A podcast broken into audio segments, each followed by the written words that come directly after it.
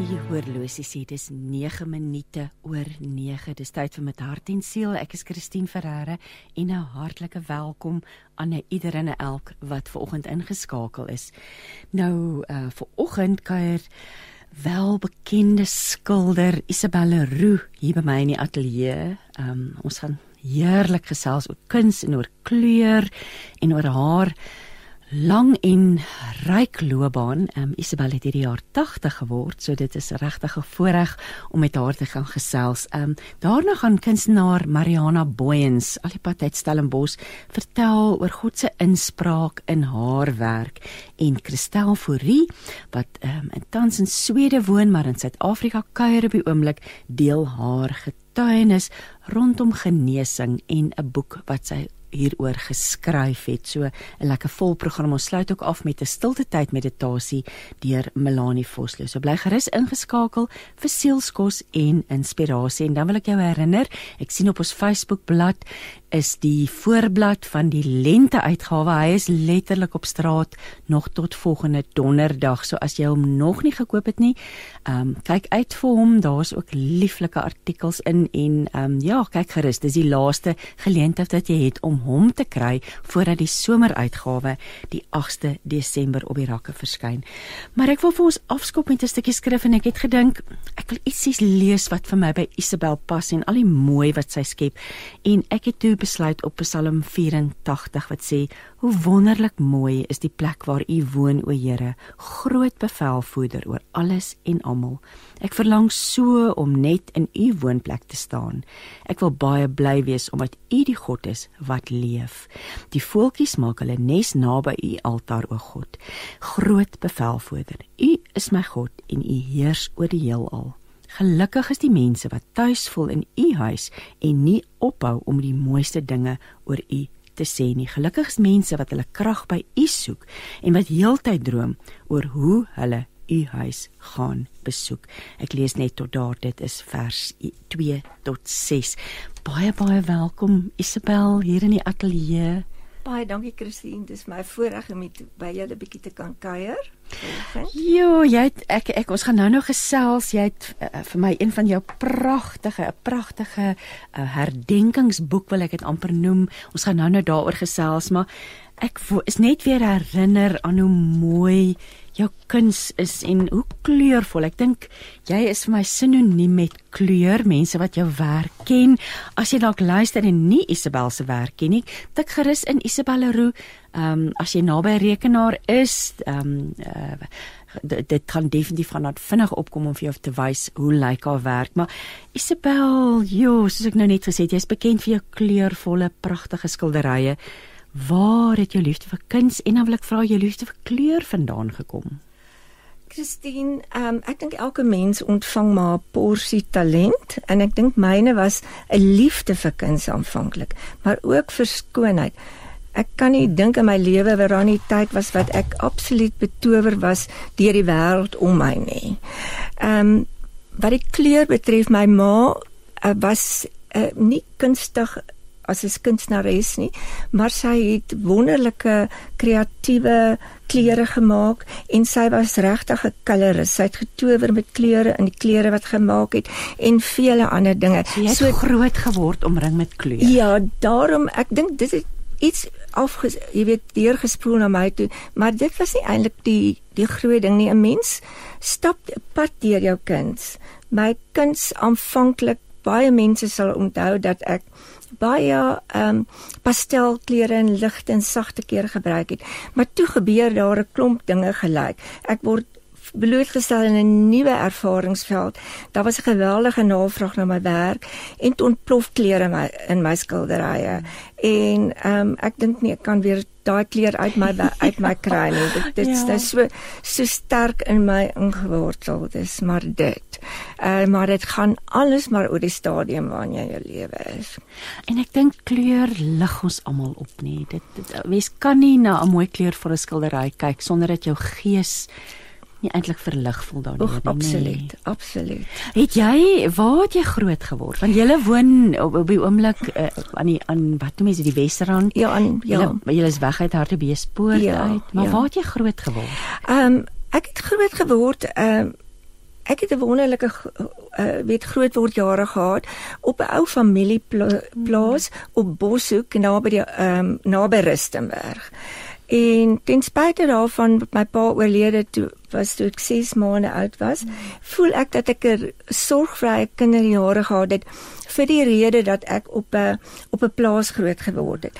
Ehm uh, weet jy hoe fantasties was dit daai tyd? Ons het in die Magaliesberge rondgeloop, mm. in die fontein gespeel, in die in die populierbos tussen die lemoenbome en vir my was die wonderlikste ding buite seisoen in die store waar al die tomaat uh, al die lemoenkassies was om vir my huise daarmee te bou.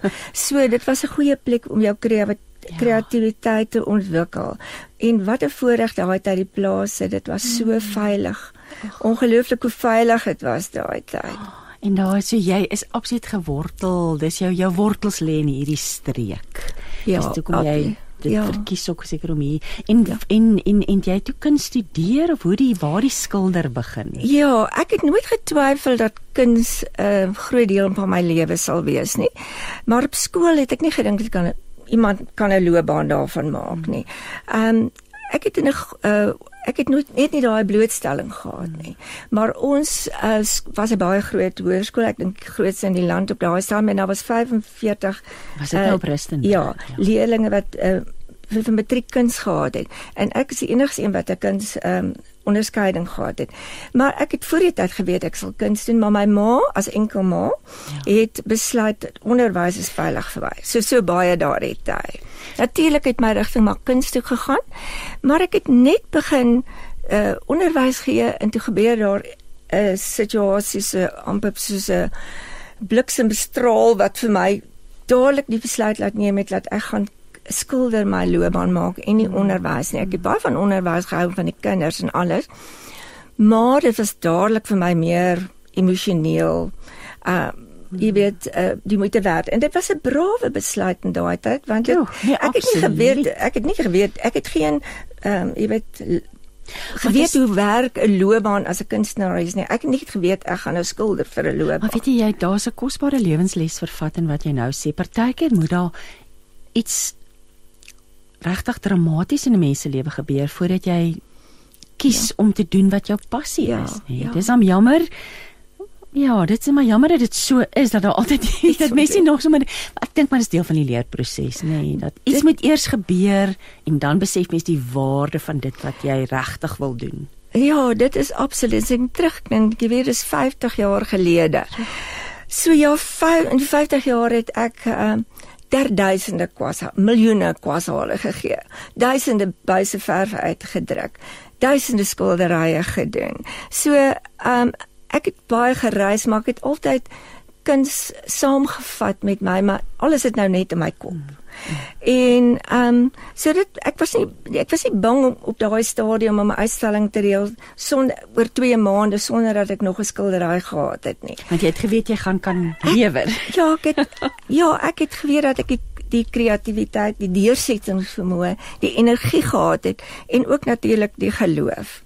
En toe so in die laat 1997 daar rond het ek die geleentheid gekry om Parys toe te gaan na die Site Internasionaal des Arts. Ek was altesaam 8 keer daar vir 2 tot 3 maande op beslag. En weet jy wat 'n voorreg was dit om 'n kunstenaar self te wees in 'n kunststad soos Parys. Ongelooflike voorreg vir my en um om in die stad van kuns, lig en liefde te wees. Nee, ek ek ek ek, ek malaai nou hierdie die boek en ek en ek sien jy het 50 solo uitstallings gehad. So jy is ontsettend produktief. Ja. Um, ja. Ek ek ons gaan nou nou 'n bietjie gesels oor die oor die kunsproses. So toe jy daai skuif maak, ek gaan nie langer 'n onderwyseres wees nie. Ek gaan nou voltyds skilder. Ehm um, toe hoe dit hoe dit toe vir jou gewerk? Het jy dan opgestaan in die oggende en werk het vandag nog steeds? En ek wil ook vra skilder jy vandag nog? Ja ek ek skilder nog vandag nog uh, natuurlik um, ek het van van jaar 80 geword en dis die mees intimiderende ding van 80 is die gevoel dat daar is te min tyd wat oor is Mooi ding wat jy nou sê. Jy weet elke ehm um, die my my die ure in my dag is nog te kort. Die dae is my lewe is te min. Ek het 'n rede om op te staan in die oggende. En in die verlede, ja, toe ek so baie uh, produktief was en baie gewerk het. Daar was nie 'n ding dat ek gedink het wat gaan ek doen vandag nie. Ek skilder. En as ek iets anders moet doen, dan doen ek nou 'n ander ding. Maar ek het nie gedink, jy weet ek dit was nie vir my 'n opsie nie. Dit is nie vir gevoel soos werk nie. Klink dit vir my dit het glad nie soos werk gevoel nie. Nee, ek was so bevoorreg. Weet jy, weet jy Christine, daar was vir my nooit 'n uh, dit is een van die merkwaardigste dinge van my loopbaan. Daar was nooit 'n Vrydag wat ek nou uitgesien het na die Vrydag omdat dit naweek was nie of opgesien het na die Maandag nie. Ek moes trouens baie keer nou nog moet ek op op 'n Sondag aand 'n halwe slaapel drink want ek wil net opspring. Ja, opstaan. Weet maar dis is absoluut 'n seën uit die Here se ja, hand, nee. Ek dink so. As 'n mens so Beslis. so kan jy so die, die paadjie tot hier as jy moet terugkyk. Ehm um, jy was in Frankryk talle kere gewees. Het jy ja, vertel vir ons, jy het net proaktief dan gewerk aan uitstallings. On, nou kan mens jou werk aanlyn natuurlik koop. Daai jare was dan nie so iets gewees nie. Mens ja, moes nee. uitstel om te kan verkoop, nê. Nee. O ja, 'n mens moet die moed hê om uitstallings te reël. Jy moet die moed hê om 'n kunstenaar te te te wees om jouself ja, daar ja. buite te sit. En ehm um, so ja, jy jy loop 'n pad met jou kuns, absoluut. Jy ehm um, jy moet net die weet dit is wat ek doen mm. en dit is wat ek gaan doen en jy kan nie jy weet as, as jy kuns en net kuns kies as 'n loopbaan dan kan jy nie wag vir inspirasie nie jy moet inspirasie gaan soek. Ehm um, die grootste inspirasie uh kom maar uit jouself en jou eie kuns. Want dit is wat ek nou vir jou wil een van my vrae is wat is die dinge wat jou inspireer en wat skilder jy graag as ek nou die ek onmiddellik as ek in jou werk dink dink ek ek dink jy ek sien die daai seilbootjies jy het graag by die Hartbeespoortdam die bootjies sien ek in my geestesoog. Ja, meerendeel uh, byvoorbeeld die Kaapse die uh, die hawens, die ja, hawens in ja. die Weskus in die hawe in Houtbaai en Kalkbaai. Ehm um, ek is heeltemal mal oor daai plekke. Maar as jy nou vra wat skilder jy eintlik? Daar's sekere temas wat deur jy deur jou lewe trek en uh, want dit word jou jou duimdruk. Ja. Jy ja. weet jy bekend daarvoor, maar ook dit gaan ook deur stadiums soos wat jou kuns verander. Hmm. 'n Geen mens bly dieselfde oor 50 jaar nie. Hmm. So jy en jou kuns verander, jy groei en jy ontwikkel en en so aan. Ehm um, so as ek in Suid-Afrika is, dan skilder ek graag inspirasie van uh, Suid-Afrika, ons pragtige land, die landskap, die wynlande. Ek het 'n sterk verbintenis met die Kaap al die jare gehad. En uh want my eerste jare wat ek eintlik regtig begin skilder het, het ons in die Kaap gewoon. En toe is daai uh, daai liefde vir die Kaap vasgelê. En ek het altyd teruggegaan na die Kaap toe en daar gaan skilder, maar ek het altyd weer teruggekom na Gauteng toe. Ek sien nou hier in die boek die kremetaartbome, sommer vroeg in die boek. En ja, pragtige weergawe Ja. amper amper abstrakt met met die ja, kleur ja. en hoe jy dit aanbied. Ja. Ja, dit het ook eh, dit is ook 'n ding. Ons het baie daar by Limpopo by vriende gaan kuier en daar was wonderlike kremetaartbome. En ek het in die veld gesit en skilder en hierdie kremetaartbome geskilder. En as ek eers as ek dit eers so onderwerp geskilder het, dan kan ek dit vir altyd doen. Nou wil ek dan laat gaan dit jou nie van jou nie, nee. Ek kan ek kan net weer terugkom en dit her uit oproep uit my geheue uit en 'n nuwe 'n nuwe weergawe daarvan doen uit myself uit. Ek wil nou vir jou vra want dis nou interessant Jacqueline Leefenink iemand uh, een van ons skrywers het ehm um, tydens 'n onderhoud vir my gesê dat kunstenaars want sy het met baie mense oor haar lewe as joernalis gesels en sy sê sy het gevind dat kunstenaars is van die mense wat die meeste lewensvreugde uitstraal veral as hulle begin ouer word. So ek wil nou vir jou vra, dink jy kreatiwiteit bring 'n lewensvonk wat andersins nie daar is nie? Ek dink absoluut. En uh, dit bring 'n lewensvonk in mens se lewe, hmm. want jy het 'n doel in jou lewe. Jy het ja. jy het 'n passie. Ja. Dit dit is alles maar daai passie vir 'n ding om te doen.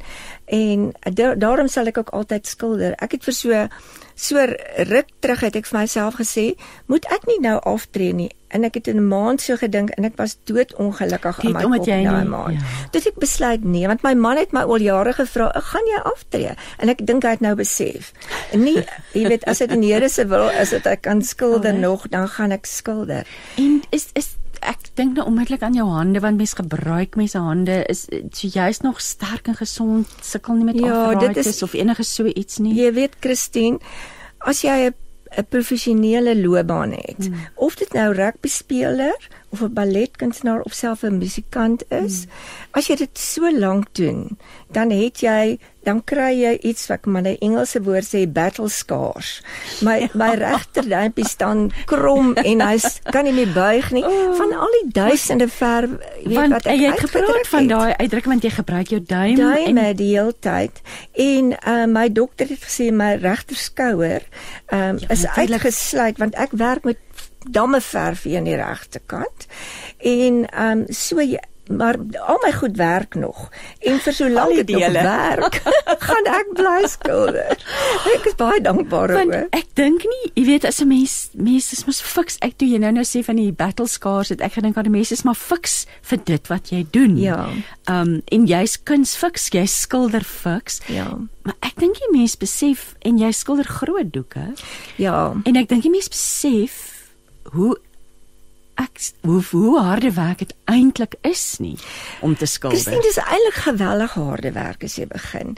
Ehm um, dis 'n liefdeswerk, maar dit dis 'n baie harde werk want soos jy sê, jy moet hierdie groot doeke op en af en heen en weer en terug staan en ehm um, en jy is verskriklik besig. Eintlik in jou kop is die hele tyd verskriklik besig want jy is die heeltyd besig met probleemoplossing. En uh jy weet ek voel gewoonlik nie koud of warm of moeg of iets terwyl ek skilder nie want jy is te besig. Maar dit ja. is nie nie harde werk nie, dit ek moet sê. En hoe lank hou jy aan een as jy nou so betrokke raak in hierdie stuk werk?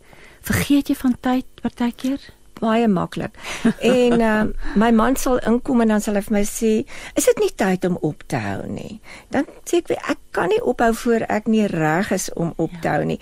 En weet jy, ek het vir jare lank verskriklik baie gewerk en ek was van vroeg tot laat gewerk. Maar as jy ouer word dan besef jy jy moet 'n bietjie meer breek as jy nou hierdie ding vroeg vol hierdie aanhou en marathon aanhou. nog, dis 'n marathon nou. Dis 'n marathon wat jy besig is om te hardloop.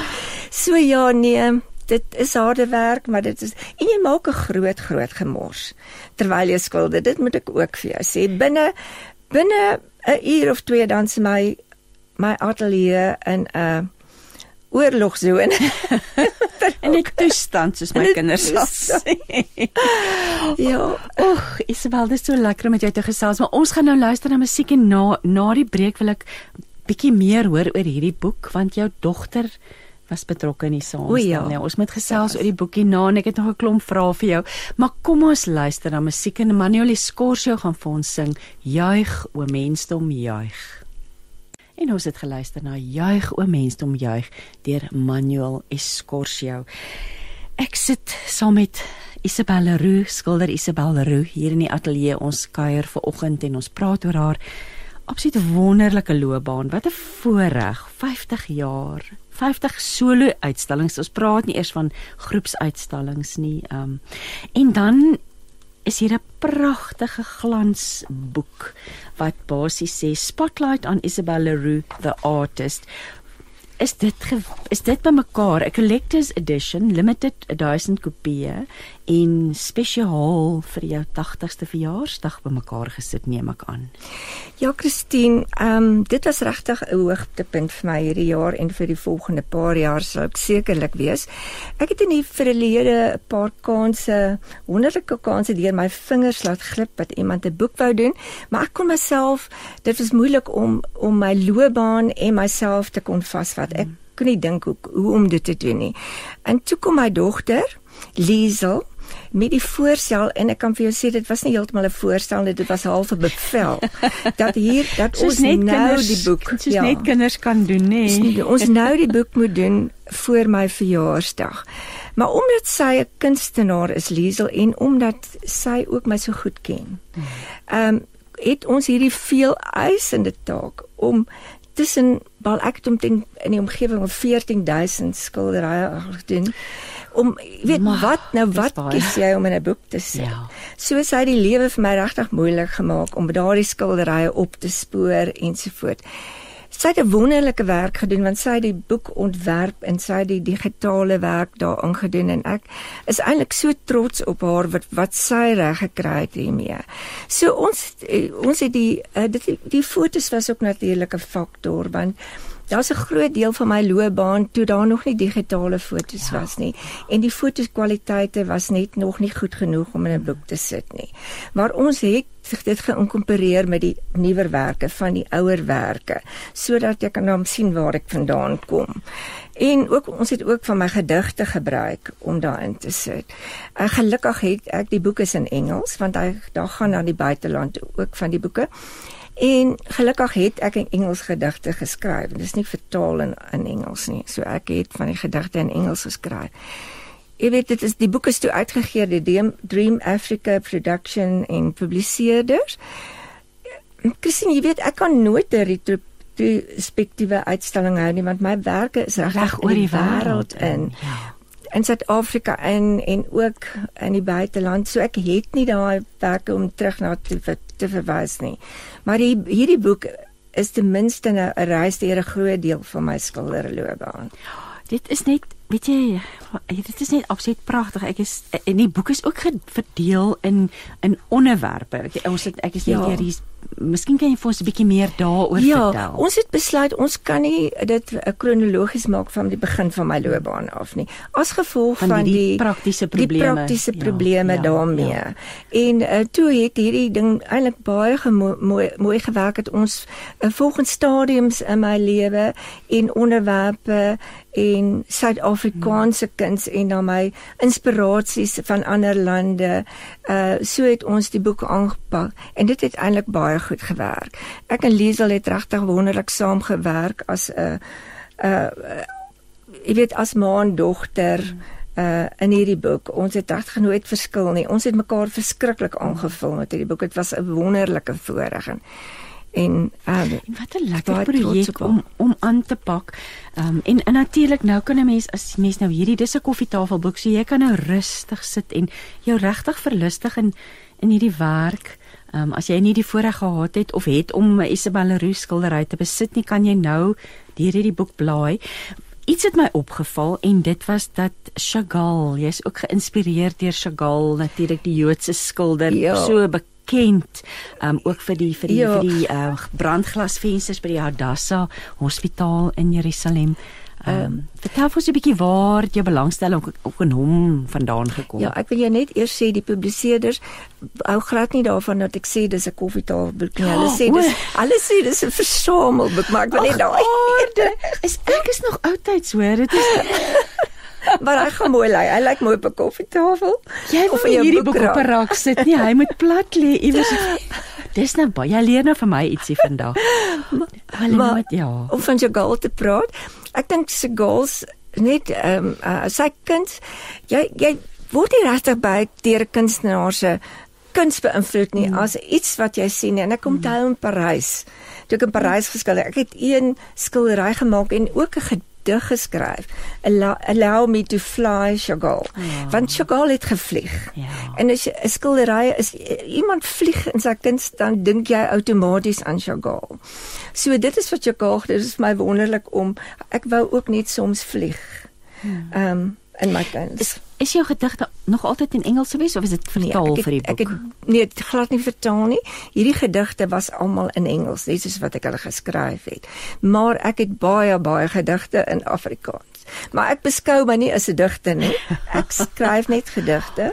Soms. En ek weet ons luisteraars gaan vra waar as hulle nou so 'n boek is daar boeke ek ek het gesê daar's 'n duisend staan dit voorin. Ja is daar nog boeke oor as iemand 'n boek wil koop? Daar is nog baie boeke oor. So ek hoop hulle sal koop en ek sal dit baie waardeer. En dis hoofsaaklik beskikbaar by my my dogter natuurlik. Sy ja. doen die bemarking. Liesel Ek sal nou net vir jou 'n telefoonnommer gee. Miskien gee jy nog vir my nou want ek het ook Alright. al geleer mense luister en dan moet hulle dalk iets Ja. anders gaan doen en so kom ons gee dit sommer nou terwyl ons daaroor gesels. Ja, dis Liesel en haar nommer is 083. En hoe spel o dit maak nie saak met 'n Z. nie. met 'n ja. Z, okay. En ehm um, haar telefoonnommer is 083 Ja. 27 Ja. 357 Ja. 23. Ek gaan dit net herhaal. So as jy belangstel in hierdie pragtboek, ehm um, die versamelstuk, versamelboek wat dit is nou genoem, uh moet kan jy Liesel kontak, 'n WhatsApp stuur of skakel 083 273 5723. En natuurlik is dit ook op my webtuiste. Ja, beskikbaar. ja, ja. So, so dis baie maklik om te kry want my webtuiste is maar net www.isabelleroux.co.za. En dis Isabel met 'n C, Isabel. Isab Isabel met S. ja, met Isabel S. Wat is ek nou vanoggend? Ek is ek is albei C.za. Ja, Dis een waar die C vandaan Ja. kom. So as jy wil gaan loer en gaan kyk gerus net na al die pragtige werk. Maar die skilderproses, ons het nou gesels want dit is vir interessant daar's 'n foto in die boek waar jy voor 'n baie groot ehm uh, skilderdoek sit en as jy daarna kyk waar jy begin lyk dit abstrakt en toe vra ek vir jou verwerk jy ook abstrakt en toe sê nee die skildery reg langs aan is wat daardie abstrakte doek geword het. So kom ons praat 'n bietjie oor die proses. Ja, die skilderproses wissel afhangende van watter stadium jy in jou lewe is en waarmee jy besig is. Daar was stadiums wat ek in die begin baie realisties geskilder het. Mm. En dit was 'n stadium wat ek verskriklik ekspressionisties geskilder het. Ek het hoop verf gemeng en ek het net laat waai en ek het geskilder wat uit my kom en die doek net so gelaat mm. staan. En dan gaan ek weer stadiums in wat my werk absoluut soos 'n ingewikkelde legkaart is wat jy moet oplos. En hy is nie klaar voor jy daai laaste stukkie nie neergelê het nie. So as ek nou byvoorbeeld mag ek jou nog Ja. in die rede val en vir jou vra wat beïnvloed hierdie stadiums want hoe is dit wat beïnvloed dit? Kom ek vra wat beïnvloed dit? die reis deur jou lewe. So ja. Die waar jy is in jou lewe, hoeveel tyd jy het, wat jy besig is om om te doen. Uh, Jy weet as en jy, jy pak dit op verskillende maniere aan. Jy weet as ek byvoorbeeld 'n plek skilder, soos die ou Kaap waarvoor ek hmm. bekend is, of sê net maar van die vissersdorpe of Parys of een van hierdie plekke, dan ehm um, dan dan skilder ek nie die realistiese prentjie van daai nie. Dit is daar is 'n fraksie van die waarheid in mm. en die res is my kritiek kreatiewe uitbeelding daarvoor. So ek sal nooit 'n foto vat en dit skilder nie. Dis nie soos ek werk nie. Dis nie te sê ek sal die foto's neem nie. Maar as ek 'n foto sien, klik die kamera, dan klik iets in my kop of ek sal net 'n foto nie daar neersit net om my te herinner aan die situasie of 'n elementjie uit die foto gebruik. So jy stap deur die strate van Parys en iets vang jou oog en dan wil jy huis toe gaan en dit gaan skryf. Presies. Iets praat met my erg. Op een stadium onthou ek dit ek gedink Weet jy wat, ek is regtig van my kop af want ek het een hele week in Parys in in in in die city is absoluut in die hart van Parys, metro voor jou by die eilande, by Notre Dame, het ek 'n hele week van die oggend tot die aand geskilder. Ek het skaars my kos gemaak en gekoop. En dit is wat kuns aan jou doen. Jy weet jy jy raak weggevoer in 'n situasie en dan dan skilder jy dit jy rond. En jy word natuurlik eh, terug na die site jy jy dis op uitnodiging nê. Nee. Op eh, by die Wat jy ja, wat O, jy ja. genooi word om want Nee, as, nee, jy word nie ja, jy kan aansoek doen O. om by die site te gaan. Jy kan aansoek, jy doen aansoek en maar dan nie word jy- almal dis nie toeganklik vir almal. Nee, jy moet 'n lid wees van die Suid-Afrikaanse Kunsvereniging. Jy moet jou werke voorlê, 'n uh, portfolio voorlê en omgekeerd te word. En jare gelede was toe ek begin het gaan het, was hulle baie baie streng geweest. Ek verbeel my Mariana met wie ek nou nog gaan gesels was ook daar in Frankryk vir 'n tyd lank. Ongelooflike voorreg. Ja, want dit om beïnvloed natuurlik jou kuns en Dit omring te ja. wees deur al daardie kunstenaars. En die mense, as jy byvoorbeeld in Parys is, jy vra van jou skilderproses. As ek in Parys is dan as ek in Suid-Afrika is, dan laat ek Suid-Afrika met my praat, maar as ek in Parys is, dan laat ek Parys met my praat. Mm. En die skildery is heeltemal anders. Dan sal ek ook baie figuratief skilder en mense, mm. want in Parys is daar baie mense en stede. Ek is mal oor 'n stad. Mm. Byvoorbeeld ek hou van ek hou van strate. En ek as ek in New York is en daai straattonele en Londen, dis ek wil dadelik dit skil en die ou Johannesburg in Skiestraat is my nog altyd gefassineer. Ja, ek weet of dit wat 'n wonderlike vol ryk kleurvolle lewe. Kleur is duidelik altyd deel van jou lewe. Um daagliks. Ek wil nou vir jou vra So as jy nou terugkyk, wat 'n wonderlike mylpaal om 80 te wees en nog steeds te kan skilder. Maar as jy nou terugdink, wil ek nou vir jou vra die geloofs en die lewenslesse wat jy oor die jare geleer het wat vandag steeds vir jou belangrik is. Ja, daar Christine, ek sou nie 'n loopbaan as 'n kunstenares kunstenares gehad het as dit nie vir my geloof in my Skepper was nie. Um, ek het soms my myself getwyfel, mm. maar ek het nooit aan die Here getwyfel nie. Um dikwels in my lewe het ek skielik moes besluite neem. Los die onderwys, skuld dit voltyds terwyl ek geen ervaring gehad het om te om kunstenaars hmm. res te kan wees nie. Sonder geloof sou ek nie daai pad kon hmm. aanpak nie. En in 'n tyd wat ek op my besigste was, het ek besluit om 'n om ek het dit as 'n kunsprojek te beskou om 'n huis te bou by Cosmos in die Hartbeespoortdam wat nogal baie in die nuus was. Maar ek het hierdie huis begin met geen ehm um, budget niks, dis groot begroting nie. Maar ek in het, geloof. Ek het dit in net geloof gedoen. Maar weet jy wat dit was my ongelooflike pad om te loop want ehm um, as ek byvoorbeeld en ek het hard gewerk as ek byvoorbeeld om 'n voorbeeld te noem terwyl ek besig was om die huis te ontwerp te bou, die kunswerke daarin te doen en my eie kunswerke te doen, sou ek byvoorbeeld dink ek het nou noem dit maar 'n 100 000 rand nodig nodig. Hmm. En dan sou die Here op een of ander manier sorg dat ek dit kry, maar niks meer nie. Jo, niks meer nie. En ek het altyd geweet ek moet dubbel en dwars my kant bring. En dan sal ek nie alleen wees nie. En toe het ek ook gesê as die Here nou hierdie hierdie huis wat ek gebou het, wat 'n uh, nie dis materiële ding, hmm. en van my sou wegneem, dan sal ek nooit die lewenlesse vergeet wat ek daar geleer het nie. En die interessantste ding is, uh, ons het daar weggetrek want dit is 'n vier verdieping huis en jy word ouer en ons wil liewer in die stad wees waar dit plat en veilig is. En maar weet jy, toe het die mense wat gekoop het die huis vernietig.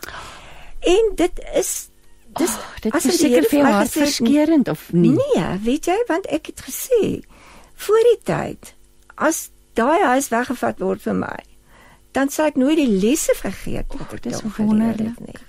So ja, daai pad het en ons het ander besluite geneem. Ons het besluit my man het baie vroeg afgetrek in sy vroeë 50's. En dit was 'n groot besluit want dit kon so as ek nou terugdink dan dink ek dit kon so maklik skeef geloop het. Maar dit het ons vrygelaat om om om te reis. Omdat as ek Parys toe gaan dan kon hy soen toe gaan en daar bly terugkom my kom haal en help met al my verf en skilderye en terugkom. Ons kon dinge doen wat ons nooit anders sou gedoen het nie. Maar is dit nie is dit nie vir die Here was wat dit wat moontlik gemaak het het ek kon so maklik verkeerd loop dan sou dit dan sou dit nooit my dit sou nooit gebeur het dis dis dis kosbaar wat jy sê van en ek dink dit geld eintlik vir enige situasie in die lewe nie dat ja dis die, dis nie die die ding dis dis nie die huis self en was die lesse. En hierso Jacqueline sê môre Christine en Isabel wat 'n pragtige stem. U klink soos 'n 30-jarige in plaas van 'n 80-jarige Shalom van Jacqueline af. Jacqueline en ek kan vir jou beloof sy's pragtig sy sit hier met kleurvolle hemkleur is duidelik so groot deel van jou lewe Wat 'n voorreg, blinkblou oë.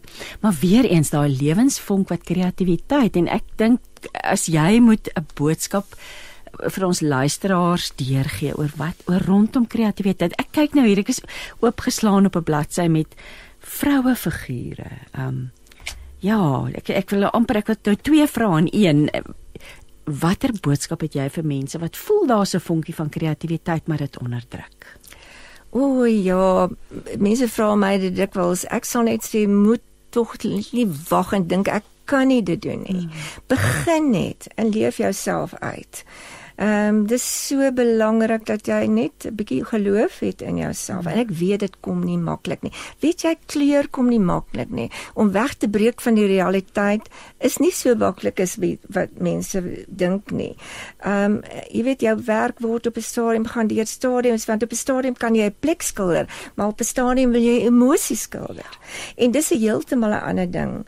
En jy kan nie iemand gaan skilder met die pyn in sy hart op 'n realistiese prentjies nie ek nie want ek ja, het nie geduld daarvoor nie. Dis is ook daar is mense wat dit kan nie, doen maar ja. kan dit nie doen nie. En dis waarom uh, uh, dit was vir my goed om werke soos Picasso se te, te sien dat jy wegbreek van die realisme om iets te sê meer van wat in die binneste aangaan. Dis alles maar 'n stadium wat jy deurloop, maar as jy vir iemand sê, "Oeg, doen dit net, doen net." Dis hmm. wonderlik. Maar ek kan ook vir jou een ding sê. Moenie dink as jy kuns is 'n loopbaan wil doen dat jy kan sommer net gaan sit en wag vir die vir die inspirasie nie. Dit is hmm, harde werk. Jy moet vir jouself tye sit en jy werk van die oggend tot die aand. En jy vat vir jou breek in die middag en dan werk jy. As jy nie daai dissipline het nie, gaan jy nie 'n loopbaan hê nie. Dit kan ek verseker wees. Jy kan miskien 'n wonderlike kunstenaar wees, maar jy gaan nie 'n loopbaan hê nie. Dis 'n ander ding. Hang ek nou ek's nou nuuskierig. Ek wil eintlik graag ook oor die vroue spesifiek hierdie uitbeeldings dis te pragtig geniet jy dit om figure en en vroue te skilder as ek nou so kyk na my my my werk so terugkyk, dan is dit nou nogal die goed wat ek van hou, omdat dit meer emosie uitbeeld. Hmm, Jy weet dit het, dit het 'n dubbele betekenis. Dit uh, dit bied En natuurlik kleur, daar's ook niks beeld weet wat kleur praat ja, met jou? kleur en kleur beeld ook emosie uit o, absoluut kleur vertel 'n storie. Ek baie mense vra vir my en ook kunstenaars jy weet hoe meng ek nou hierdie kleure en dit moet ek vir jou sê ek het nog nooit 'n resep gehad om 'n kleur te meng nie. So jy volg jou intuïsie. ek, ek hou daarvan om baie verf ek hou nie van 'n bietjie verf te werk nie. Ek spuit baie verf uit en dan begin ek kleure meng soos wat my gevoel vir my sê. Ek het geen resep vir kleur meng nie nee niks. Werk jy met 'n groot esel as jy so baie verf? Oek, ek het werk met meer as een. een is een op 'n slag. Ek ag nie esel nie palet. Ek praat van palet. O ja, palet ek, en natuurlik die esels. So jy skilder meer as een skildery op 'n slag ook. Weet jy, ek ek werk met een palet, maar dan het ek ander kleiner palette waar daar lê. Soos so ander kleure meng, dan gaan ek oor na ander palette toe. Ja, en ek werk op meer as een esel gelyk. Ek het een tyd nie. Ek het 'n skildery gemaak en hom klaar gemaak. Maar nou vind ek ek is in hierdie fase wat ek aan meer as een skildery mm. ehm um, gelyk werk en dis verskillende skildery. Dis nie dieselfde onderwerp nie. Maar sodra ek myself in 'n hoek inskilder op 'n een skildery letterlik en figuurlik dan skop ek daai esel een kant toe en dan skilder ek op 'n ander esel. Jy weet die emosies eh, soos wat jy skilder daar kom sekerlik goeie en slegte emosies. Daar's seker tye wat jy ook moedeloos raak en moeg raak en Ooh, beslis dink so dis so 'n idilliese lewe om die lewe van 'n kunstenaar. Nee, mens moenie dink dis ek het gedag toe vir my dogter skilder ook en ek gedink hulle sal dit doen nie want nommer 1 hulle het gesien hoe hard werk ek. Hmm. Nommer 2 het hulle gesien hoe groot gemors maak. ja, aanpraat van die en, gemors. En jy leef 'n hele lewe uit vir jou esels. Ek ja. het al gehuil dat die trane spat terwyl ek skilder. Maar dan skilder huil ek nie oor die skildery nie. Ek huil oor iets in my lewe. Of ek was al so gelukkig. Ek onthou eendag het ek gesê en toevallig het my ma en my broer ingestap in my ateljee en ek het kliphard gesê, "Oeg, dit is so lekker." Ja. Oh. En hulle daai oomblik weet gehoor wat ek sê dit is so lekker wat ek doen. Maar ja, jy gaan deur emosies. Jy is partykeer nie klaar nie en dan sê jy moeg. As my man sê maak klaar, maar jy is nie klaar nie. Jy en dan sit jy om jou ateljee op te ruim, jou kwasse te was, jou palette skoon te maak, is dit is eintlik harde werk. Dit verg dissipline. Ag Isabel, ons het nou aan die einde van ons tyd saamgekom en wat 'n inspirasie. So lekker om met jou te gesels en baie dankie. Jy, die lewensvreugde wat jy bring deur jou werk. Ek dink dit vir my is wat sommer uitstaan. 'n Mens kyk hierna en jy voel, jy voel daai energie en die lewe en die lig wat hier uitkom en dit is so 'n wonderlike voorreg. Ek bid regtig die Here se seën oor jou dat jy nog vir jare sal kan skilder en ons almal kan seën met met jou werk. Um, en ek sê waar boonbehalwe die boek is jou werke aanlyn te koop? Stal jy nog uit by gallerye? Waar kan mense jou werk besigtig? Uh, my werk is aanlyn te koop. Ek verkoop nogal baie werke oor see in die laaste paar jaar en dis my dis my ek so dankbaar want ek is baie keer bang om 'n blousie te jy weet te koop oor see. en dan dink ek hoe baie mense voel hulle kyk na 'n klein foto ja, en dan bestel hulle 'n ja. groot skildery ja. wat uh, oor see gaan of waar ook al in die land. So ja, dis dis aanlyn beskikbaar en daar is ook gallerye wat my werk hanteer. Maar, daar is gallerye wat gereeld vir my werke koop en dan ander wat periodiek van my werke koop. So dis maar oral beskikbaar Maar die beste raad is gaan kyk gerus by www.isabelleroux.co.za as jy hierdie pragtige werke wil beskou, bietjie meer wil lees ook oor Isabel. Isabel, wat 'n wonderlike voorreg. As ek sê ongelukkig is ons tyd verby en um, ek wens vir jou net alles wat mooi is toe ook vir die Kersseisoen vir jou en jou mense. Um, baie dankie ja, Christine. Dit was 'n ongelooflike voorreg. En iemand het eendag vir my gesê, Isabel, iemand daarbo het jou baie lief. En ek wil net sê dankie vir daai liefde van bo oh. en van oral af en almal wat 'n stukkie van my kind saam met my wil loop al, as dit deur my boek is of deur my kuns is. Vreeslik dankie. Oh, wat 'n seën. Maar kom ons luister na Annelien wat sing. Hy lei en hy lig my op. Ons is opreg dankbaar dat jy ons ondersteun het tydens ons Visiothon. Jou ondersteuning maak dit vir ons moontlik om hoop en waarheid te bring. Vir die wat die Visiothon misgeloop het en steeds wil gee, stuur 'n SMS met die woord give na 37871 gevolg deur jou naam en die bedrag wat jy wil skenk of stuur 'n WhatsApp na 082 657 27 29. Saam kan ons bou aan 'n blinker toekoms. En jy is ook welkom om saam te gesels ver oggend net direk via ons WhatsApp lyn. Ek herhaal die nommer 082 657 2729. En ek gaan nou gesels met kunstenaar Mariana Booyens. Ons bly so in die kuns tema vir oggend. Uh, Mariana is 'n bekende skilder van Stellenbosch met 'n besonderse getuienis. Mariana, goeiemôre. Goeiemôre, hallo Christine, hoe gaan dit jou? Goed en jy, dis so lekker. Ek gaan dadelik net vir ons luisteraars sê Mariana was vir baie lank 'n streder by Leeftydskrif, so ons kom ook al 'n lank pad saam. Um 'n wonderlike talentvolle mens. Mariana, maar jy het regtig 'n besonderse getuienis oor jou kuns en die pad wat ons Vader met jou daagliks stap en jy het 'n storie van 13 ja. uitsonderlike kunswerke. Ja wat nou na 20 jaar vir die eerste keer as volledige versameling te koop aangebied word, ja. maar met die opdrag van bo vir jou dat wat ook al die inkomste gaan in die koninkryk ja. gesaai ja. word. Um, ons gaan nou nou gesels. Daar's 'n pragtige video, 'n YouTube video oor hierdie kunswerke, maar ek wil hê jy moet asseblief vir ons ja. die storie want dit is so 'n kragtige en so 'n storie wat so net vertel weer eens van hoe God belangstel in die detail van ons lewe. Wil jy nie vir ons ietsie ja. daaroor ja, vertel nie asseblief? Ek sou graag. Ja, weet jy, dit is eintlik so wonderlik as mens terugkyk op jou lewe. Um en jy sien die hand van die Vader. Jy sien hoe die Here Jesus jou in die hand gevat het en deur goed gelei het en daai mense oor jou pad gestap het, ontmoetings met verskillende mense sodat die storie van jou lewe um 'n witness storie kan wees vir ja, hom. Ja. Want 'n witness storie is so belangrik. Jy weet dit die, die klank wat ons maak deur ons witness stories van ons lewens is net uh, niemand kan dit wegvat nie, niemand kan dit verander nie. Dit staan vir altyd. Dit verkondig hom. So eintlik deel ek maar net 'n deeltjie van my storie vandag, die storie van my lewe. En waar dit alles begin het was omtrent 20 jaar terug in 2002 was daar 'n uh, uitstalling wat ek sou gehad het by Aardklop Nasionale Kunstefees. Ek het 'n hele paar jaar daar uitgestal um by Snowflake. die groot ou ou meele daarso wat ek vir Martie Botma goed geken. So ons was vriende en dit was altyd 'n wonderlike platform net om daar te kan uitstal.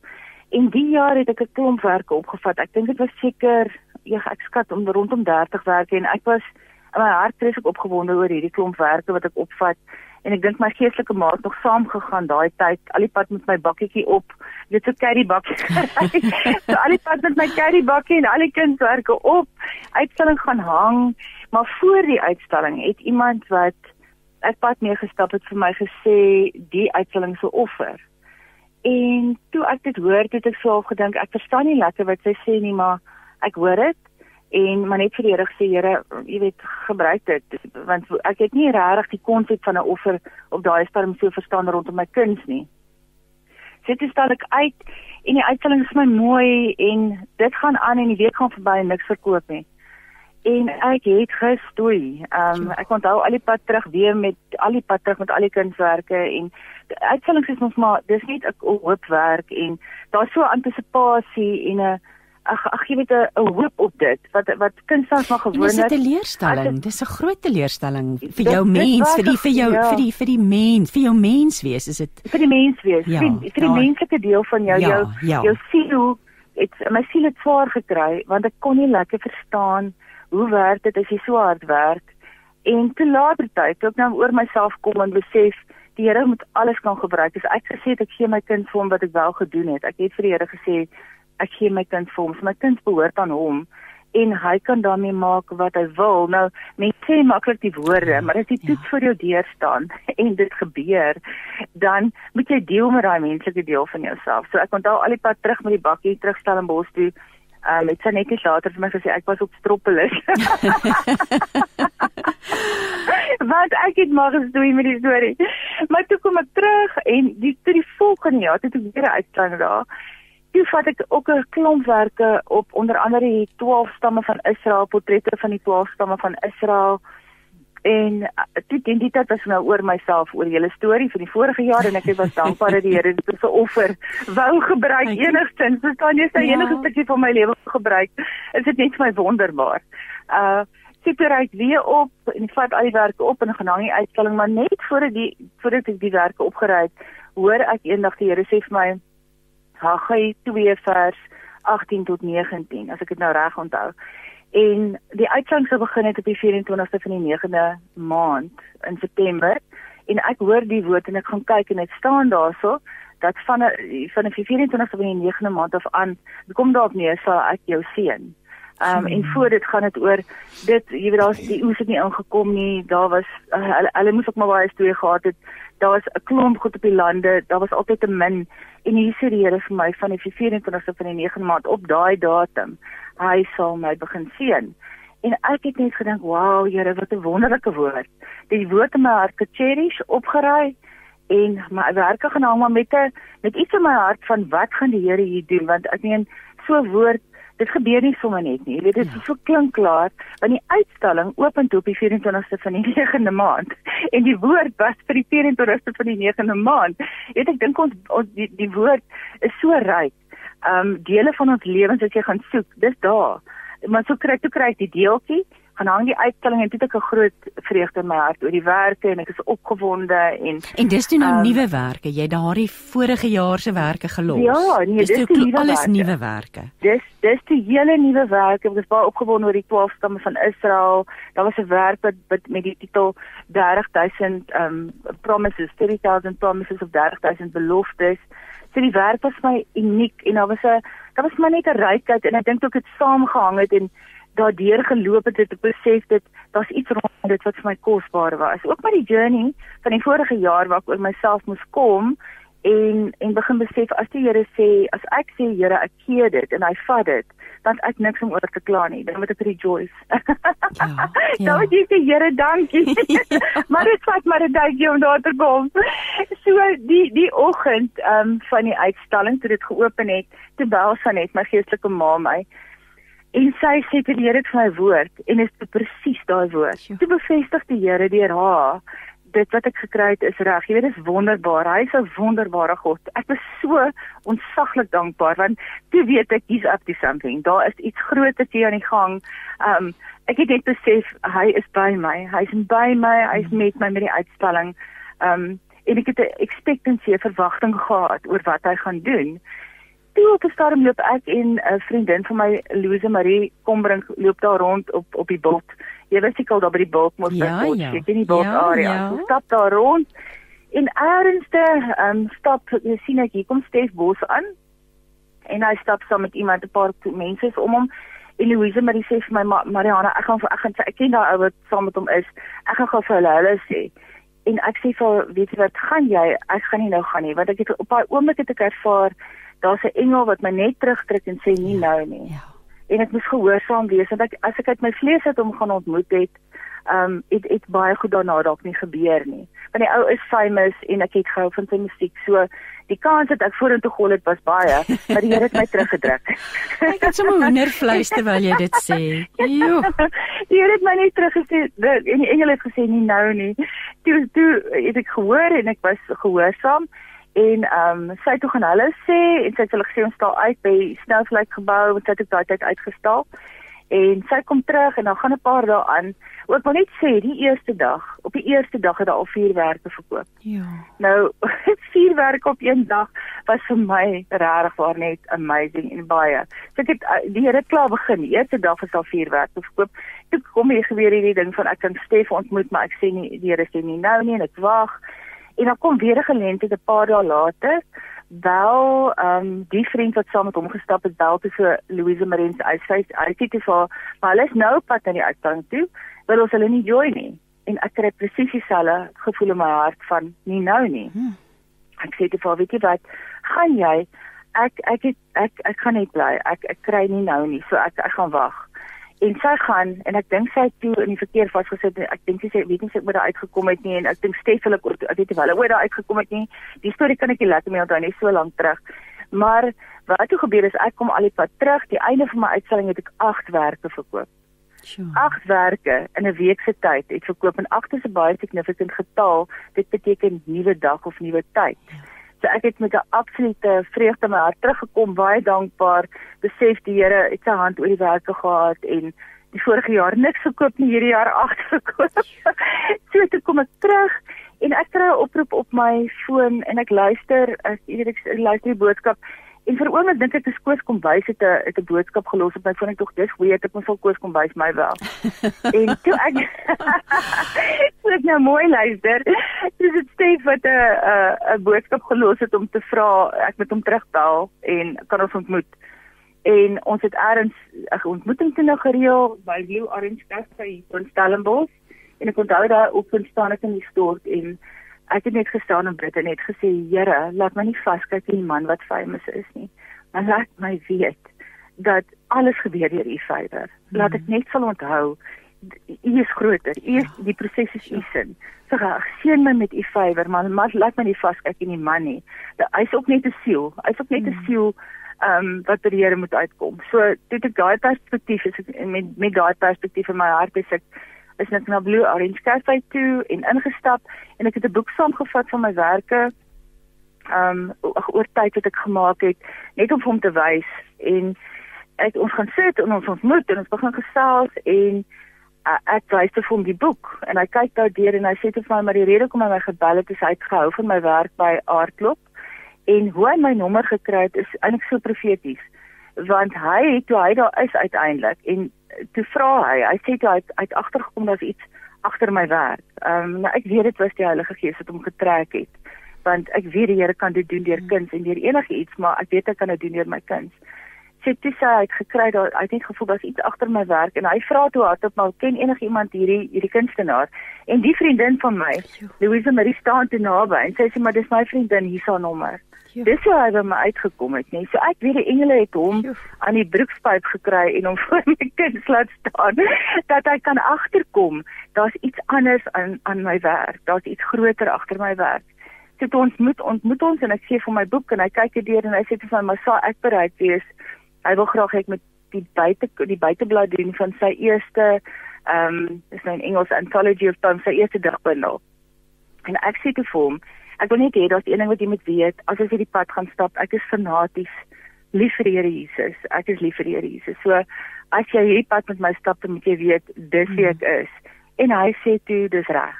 Dis reg so. Ja. Dit is belangrik, dit is 'n belangrike keuse om te maak want dit is so 'n hoeksteen wat ingekap is vir die boekie. Um ek besef net jy weet as ek daar gewyf gooi het of of nie so 'n declaration gemaak het van my liefde vir die Here Jesus nie, kon die proses maar dalk ingesit, maar ek het besef ek moet staan en sê dis wie ek is.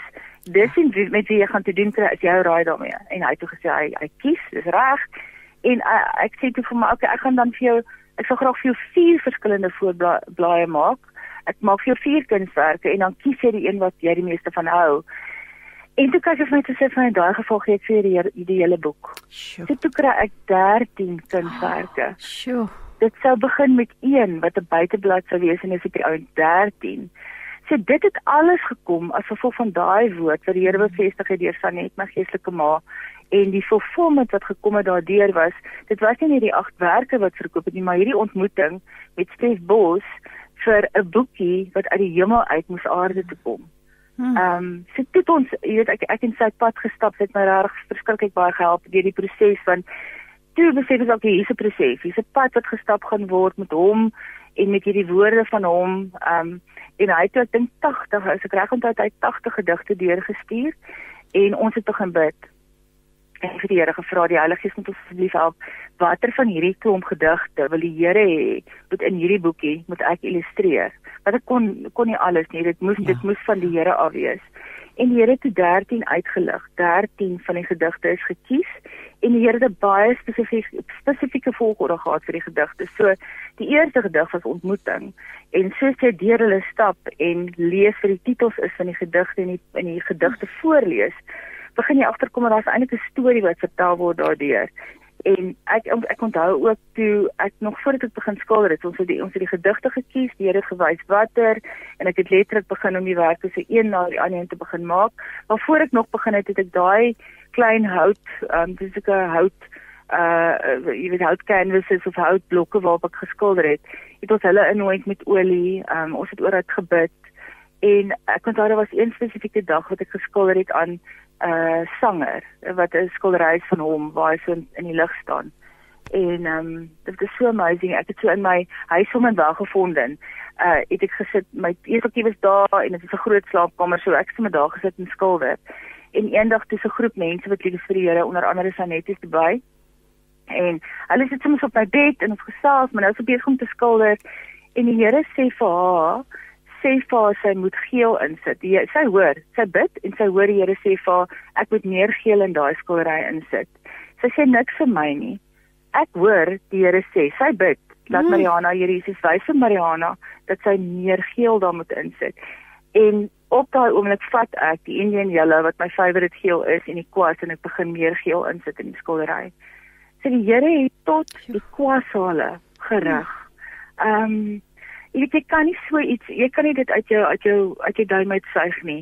Sy het niks gesê nie maar ek tel die geel op en ek begin skilder. So daai skilderytjie vir ewig sal ek weet dit was die Here wat deur my geskilder het. Vir elkeen van hierdie werke dit was die Here wat deur my geskilder het. Hy het dit opgerig hy het dit beskerm hy het dit bewaar. Hy die pad wat ek met Stef was 9 maande se pad gewees. Um wat 'n baie interessante pad was want op daai stadium ek weet nie waar trek sy saak nou nie maar daai stadium het hy nie geglo nie So dit was 'n baie interessante pad mm. om met iemand te stap. Dit was 'n ontmoeting van die Here af um, wat aan die regte plek moes gebeur sodat die boekie uit die hemel uit kan kom, sodat die mm. kunswerke kan kom, sodat hierdie boekie met hierdie werke in hierdie Here genoem 'n sending lesing van hom af. Mm. 'n Sending lesing van hom af. Dit is so kosbaar, jy weet as jy dink aan 'n sending lesing, sending mean to send out. Ja. Lesing beteken jy leer iets. So dis is dis is 'n lering van die Here af en toe ek nou eendag die video gemaak het, ag, die vir die nuwe video gemaak het wat jy nou gesien het. Ehm um, jy weet as daai werke daar projekteer en ek begin die gedigte voorlees, die diepte daarvan, hmm. jy weet daar's iets dieper daaraan. Jy jy kan dit nie altyd in woorde vertel nie, jy verstaan nie altyd hoekom nie, maar jy weet hier's 'n dieper betekenis aan hierdie woorde en hierdie prentjie saam. Maar dis die sendinglesing wat jy hoor. Dis die lesing van die Here af. Wat 'n pad is wat roep en sê kom na my toe. kom na my toe, kom na my toe. Maar jy ja. jy sê ook dat daar's 'n tydlose hemelse boodskap wat in hierdie werke vervat is en dan in hierdie boekie. So eh, die boek is toe uitgegee in watter jaar is die boek toe uitgegee in, in 2004? 2004 ja 2004 die Protea Boekhuis in Suid-Afrika en Lenou Uitgewers in Nederland so die boek het getravel in die Suid-Afrika so nog 'n boekbekendstelling gehad in Johannesburg daar by die boekhuis en die ja oorsee het, het steeds het sy toere gehad en dan het hy die boekie daar verkoop ook. So die die boek het getravel. En is Afrikaans en Nederlands en weet jy Mariana, ja, Afrikaans, ons ja. was daar. Ek onthou nog die boek bekendstelling, die skilderye. En maar wat nou vir my so interessant is, so die werke is nooit toe verkoop nie. Was hulle want dit, nee. ons praat nou, ons is volgende jaar 2024, letterlik ja. 20 jaar later. Nee. Wat het toe met daai werke gebeur in hierdie laaste 20 jaar? Weet jy die Here het dit ehm um, bewaar op 'n plek waar hy gesê dit is soos 'n galery in die gees. Ja. So daai werk het in die gees hulle boodskap bly verkondig, maar hulle was op 'n veilige plek en die Here het hulle net altyd daar laat hang in hulle regte volgorde. Hulle het hulle storie vertel, maar in die gees, 'n geestelike galery. En toe omtrent so, ek dink seker nou so 3 maande terug of 4 maande terug al so ek weet my datum is my tye dit dalk 'n bietjie dalk die mekaar, maar 'n rukkie terug toe begin my geestelike ma deur 'n tyd gaan wat sy vir 'n proses moet staan. Sy gaan deur 'n proses en sy het meer as 20 jaar in my lewe ingesaai. Sy was so deel van hierdie proses met hierdie boek mm. gewees. En ehm um, dis 'n baie swaar tyd vir haar gewees en haar regskoste vir die staan vir die koninkryk vir die proses was al oor 'n miljoen rand gewees. Mm. Jy weet toe ek vir die Here vra, Here, wat kan ek doen? Wat kan ek gee? Wat het ek om te gee? Toe onthou ek, toe pop dit net in my kop, maar ek het mos hierdie skilderye. En toe vra ek vir die Vader, "Maar Here, kan ek dit verkoop? Kan ek dit verkoop dat dit in sy koninkryk kan teruggaan na haar toe? Want ek weet sy staan vir hom. Ek weet haar proses is van die Here af en ek weet dit is 'n swaar proses." En sy het meer as 20 jaar in my lewe ingesluit. Dit het al huis opgestel vir mense. Sy het my deur berading. Ek was so maar soos 'n kraai toe in Stellenbosch aangekom het. Ek was so die mekaar en soveel gate in my siel en so um, op soveel plekke afgebreek en verrenoveer deur slegte verhoudings met mense wat ek nooit 'n verhouding moes gewees het nie. En sy het my ingevat en deur dit my wonde genees. Sy het my gehelp, sy het my gerig, sy het my gestig, sy het my bewaar. Sy het my gekorrigeer oor jare want ek was maar 'n lekker harde gat gewees. Maar sy het pad gestap met my, sy het mm. nooit opgegee met my nie. Ja. Sy daai liefde wat enduring love is, mm. dis nie te koop nie. Jy weet dit is van die Here af. So ja vir my om terug te saai in in daai proses in is net om te sê Here Jesus baie dankie. Gebruik dit. Gebruik dit. Jo, Mariana. Ek wil graag die titels en ek wil ook nou-nou vir jou vir jou nou ja. vra om vir ons die gedig ontmoeting voorlees, maar die die ja. kunswerke is die titels is net so uh, uh kragtig. Ja, ja, ontmoeting is ja. die eerste een nommer yes. 2 die aankondiging dan hoe ja. eensaam ja. en dan ja. hoe ver sal jy reis om hom te ontmoet belofte ja, ja. is nommer 5 ja. 6 is jy bereid om gesnoei te word 'n moeilike een yes. vir ons almal 7 die vuur van selfsugtigheid mm -hmm. en dan 8 um, ehm, ek weet nou waar is dit um, ons bloot ja 9 ja, wat gee jy aan 10 ja. van daar tot hier 11 ja. volheid en dan 12 ja. dis hoe jy opklim. opklim ja, ja en dan 13 die keerpunt so ja. wat 'n fantastiese wonderlike wonderlike storie rondom hierdie kunswerke maar soos jy sê hulle het nog nie ophou praat nie en natuurlik hulle praat ook deur die ja. boek daardie boek is ja. reg oor die wêreld um ja, ja, en, ja. en en en dat die Here sê dis nou tyd en en en ek wil jou eer vir jou gehoorsaamheid jy was gehoorsaam talle kere gewees in hierdie proses. Um en en ja, ek wil nou ek wil nou vir jou vra voordat ons die skakel gaan gee en en in kontak detail en al daardie dinge. Wil jy nie vir ons ontmoeting dalk voorlees ja, vanoggend nie? Yes. Okay, so ontmoeting. Dis dit van twee kante kom om mekaar te ontmoet. Jy moet eintlik toevallig onderweg wees. Jy moet geen doel voor oë hê. En jy, jy moet laat gebeur waarvoor jy bang is. Jy moenie alles wil verklaar nie. Voor jy kom kry, het jy nie ander oorlog verklaar. Mens moet van twee kante kom om mekaar te ontmoet. Jy moet jouself en die ander deursien sonder om in die ander te verdwyn. Dit kan op een sommer voor jou staan en lyk na iets waarvan jy lief wil vlug. Dit is die aardige van geluk. Jy maak dit waar of jy maak dit stikkend. Dit kan jou bedrieg, dit kan jou behoed. Maar mens moet van twee kante kom om mekaar te ontmoet. Ag, oh, is dit nie pragtig nie? Dit is mooi nee. Weet jy in terwyl Ja, wat sê jy? Mm. Kosbare skies Christine, wat my kosbare is, is nou na 20 jaar.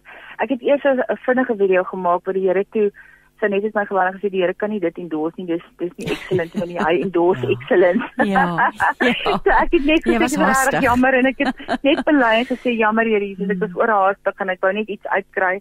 Ehm um, en ek besef die Here as as ek sy favour soek, dan moet ek met excellence alles doen want hy werk met excellence en jou hart in excellence. Jy weet so toe ek die nuwe video doen wat dit het sy eie witness storie net as ons nog tyd het kan ek gou vir jou daai ja, video vertel. Dit is eintlik amazing. Ehm um, so toe ek nou weet ek moet hierdie nuwe video maak. Toe begin ek vra my Here Jesus, hoe? Want uh, my eerste video was regtig nie so goed nie. So hoe hoe nou? En ek het in die begin toe ek besef het maar een van die maniere om dit te bemark kan deur video wees, het ek 'n idee in my kop gekry van 'n amper 'n 'n video wat amper soos 'n kunsfilm voel. Daai jy weet ek is lief vir 'n kunsfilm, jy sien net maar Paradiso ja. en die gevoel van daai films is net altyd anders want die beligting is so pragtig en daar's interessante stories en dis reël baie keer. Mm. Nou nie alle kunsfilms, maar daar's van hulle wat my hart al geraak het want ek hou so van hoe hulle dit belig en die storielyn. En toe het ek daai gedagte hele nie begin gemaak. Toe het ek die die terrible video gemaak. Toe die Here gesê nee, ek moet beter doen. Toe het ek hierdie nuwe video begin en toe ek nou vir Aret vra, Aret van der Walt het pad gestap met my. Sy is in my kindsklas hier in Stellenbosch en ek weet iewers in haar die Here lank terug al gesê gaan sy gaan stories vertel deur video's en ek dink toe ek vir haar vra maar stel jy belang doen jy dit nog? Toe sy gaan bid daaroor en sy sê toe maar sy sal saam met my dit doen Maar ons twee dink toe, jy weet ek sê te veel wel, jy weet kom net, kom op 'n maandag, kom, sy sê jy gaan met 'n iPhone doen en sy sê dit edit, sy's 'n goeie editor, sy sê kan dit al daai goed doen. Maar sy vra te van Mariana, maar wat is skrip? Sy kan ek gou die skrip skryf ja. van die video. Sy sê vir sin, "Hæ? Wat bedoel jy?" Maar ek weet die buggerol eintlik van video's. Dit is ja. so goed gewees met dit, ek is al bietjie beter nou. En sy sê toe nee, maar daar's 'n skrip nodig en daai naweek vra ek vir die Here, Here, ek sê vir Jesus, maar ek het nie 'n skrip nie. Hoe wat is die visie? Hoe wil U met dit lyk? En ek onthou ek dit is op die Vrydag of die Saterdag aan staan ek net so langs my bed en ek staan so en praat hart tot hart met die Here. Wat jy so bid, jy is stil, jy sê eintlik nie woorde nie, maar jy weet jy bid. En die volgende oomblik kry ek 'n download van hoe dit moet lyk. Ek sien die prentjies geprojekteer agter. Ek sien ek sit en lees dit, die hmm. Ek sien die hele visie en ek besef, wow, uh, ek het nie besef dit gaan dit wees nie. En dit is 'n baie mooi setting hier. Dit lyk soos 'n kuns 'n kunsarea 'n kunsplek. 'n plek wat mooi is. Ek het ons nog nie die plek nie. Ons weet nie waar nie. Ek het met haar radio te sê vir Mariana maar dit is 'n baie groter video as wat ons gedink het.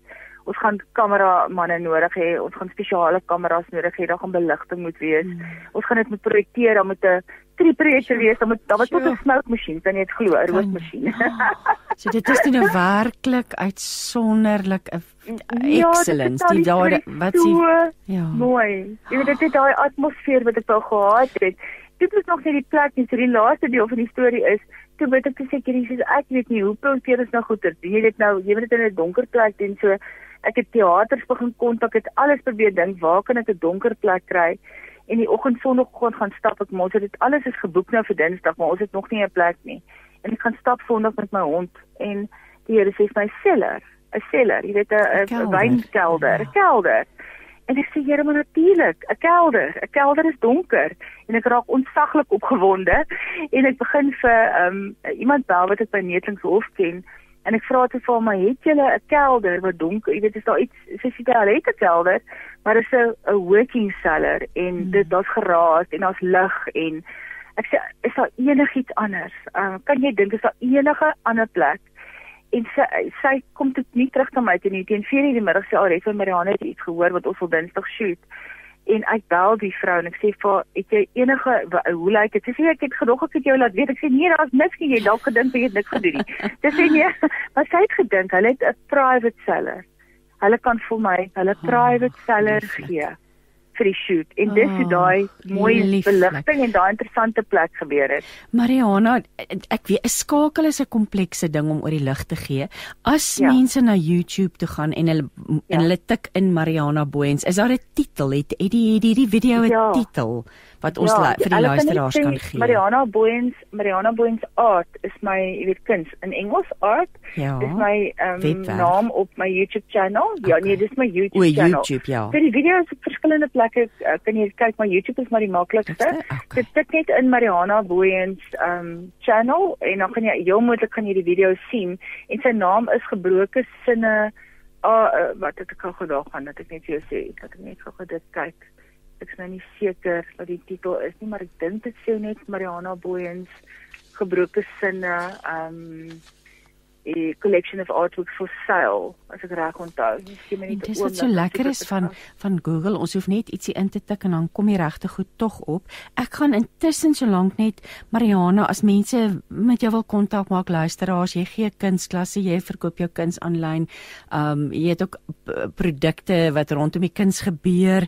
So dan kan mense gaan na Mariana Booyens kunshuis.co.za. Ja. So as Yes. jy en dis M A R R I A N N A en en a Booyens ja. Maar ek wil regtig liewe luisteraars, ek wil julle uitnooi nooi om na hierdie na hierdie video te gaan kyk. Sommige net om jou gees te verryk en en regtig hierdie pragtige kunservaring wat so gedryf en gelei is deur die Heilige Gees te gaan te gaan beleef. Mariana, ons is aan die einde van ons tydjie saam. Ek wil net verskriklik dankie sê vir die voorreg om met jou te kom gesels en ons bid saam met jou dat hierdiewerke deur die regte mense word dit as een groep verkoop of kan mense individueel 'n versameling. Nee, So ons bid dat- die storie, Ja. ja, omdat die storie so belangrik is, wil ek dit nie opbreek nie. Die So storie ons- moet kan aangaan. Ag, ons bid daarvoor en mag die Here jou seën, mag jy absoluut net aanhou om hierdie wonderlike pragtige werk te lewer wat jy doen. So gaan tik gerus in liewe luisteraar Mariana Booyens art en dan gebroke sinne. Mariana, seën en Baie lekker dag liefde vir jou. Ek waardeer dit baie, hoor. Dit is baie lekker om jou te gesels. Kom Mooi ons dag daarso. Dieselfde. Ons gaan nou luister na Jan de Wet wat vir ons sing Herders op die oop velde. En dit was Jan de Wet met Herders op die oop veld. Ek hoop jy het lekker saam gesing. Ek het nou die voorreg om te gesels met Christel Fourie. Christel en haar man Matthew ehm um, is is Suid-Afrikaners wat in Swede woon. Sy is 'n genetikus, Matthew 'n industriële ingenieur, maar hulle is ook die pas hoofpastore van twee kerke en ek gaan nou nie um, Christel waag om hierdie name uit te spreek van waar dit is nie. Maar ja, julle woon by ons in Swede en jy kuier in Suid-Afrika om 'n boek met die titel Da Vinci, ek hoop ook ek spreek dit reg uit, bekend te stel. Goeiemôre. Goeiemôre Christine. Dit is 'n fantastiese voorreg om uh, vanoggend hier saam met jou te wees. Absoluut dieselfde. Ons ons ons reël al eintlik 'n hele paar maande lank aan hierdie onderhoud want jy jy het nou geweet jy kom Suid-Afrika toe. En ag kyk, ek het 'n groot liefde vir daardie lande daar in die die Noordiese lande. Vertel ons so vir ons so net so daar voor ons oor die boek begin praat. Ietsie oor julle lewe daar. Ja, so ons bly op 'n pareplaas in die suide van Swede. Ehm um, ja, ek met my drie seentjies en my man, ons ehm um, en soos jy gesê het, ons lei 'n kerk daar in Swede. Ehm um, so dis baie bindend. En natuurlik ysig koud op die oomblik. Dis seker dit dat julle nou in Ja, Suid-Afrika dit kom. nou daar. 'n Somer, is julle hier vir 'n somerkersfees? Ja, definitief. Kom ons praat oor jou boek. Ehm um, ek wil graag sê die iets vir my oor die titel. Dat spreek ek dit reg uit? Hoe spreek mense dit uit? Kom ek vra jou eerder. Uh so die naam van die boek is Dawinshwa wat eintlik 'n baie snaakse naam is.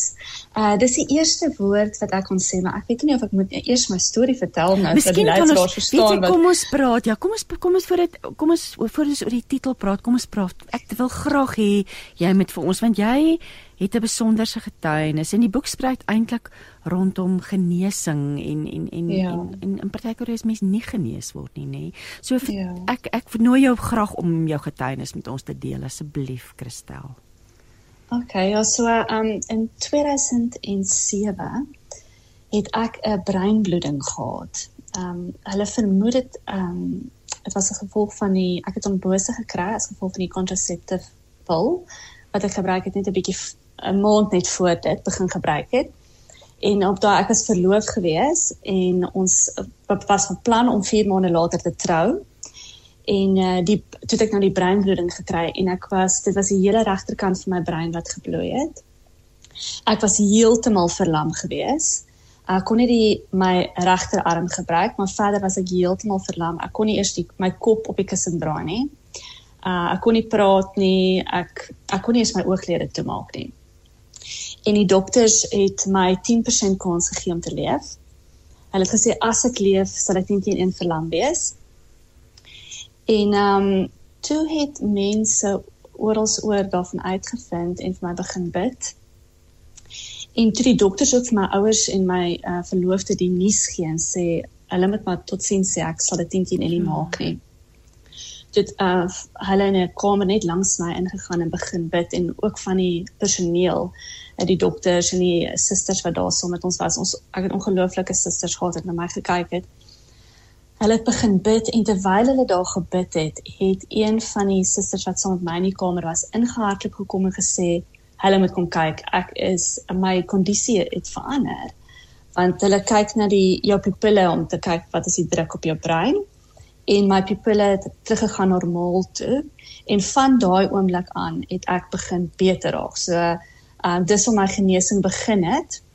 En soos ek sê ek was heeltemal verlam, ek was soos 'n baba. Ek moes alles van voor af weer leer. Ek moes weer praat, uh leer loop.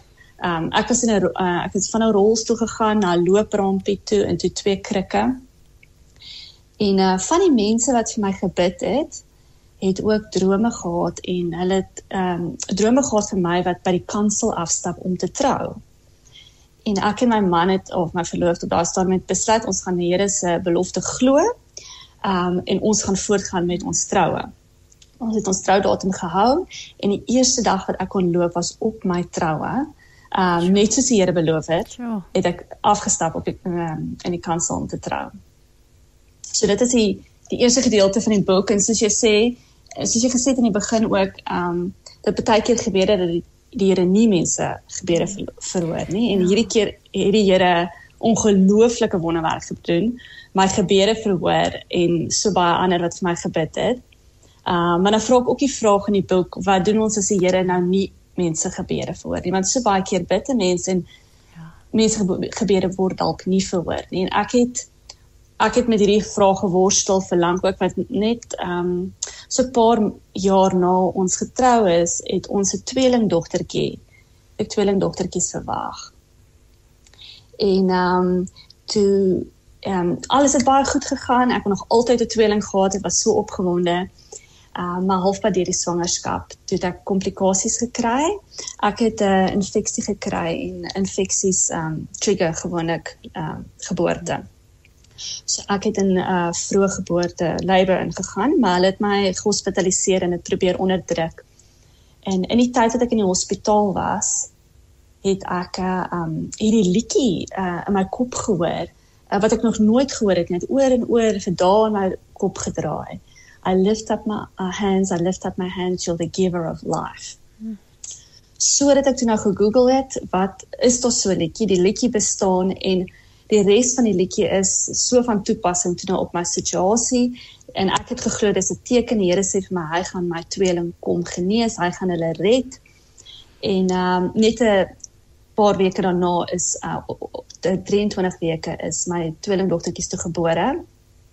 Gabriella die oudste een is met geboorte oorlede en uh, Michaela 16 dae later is sy ook eendag toe.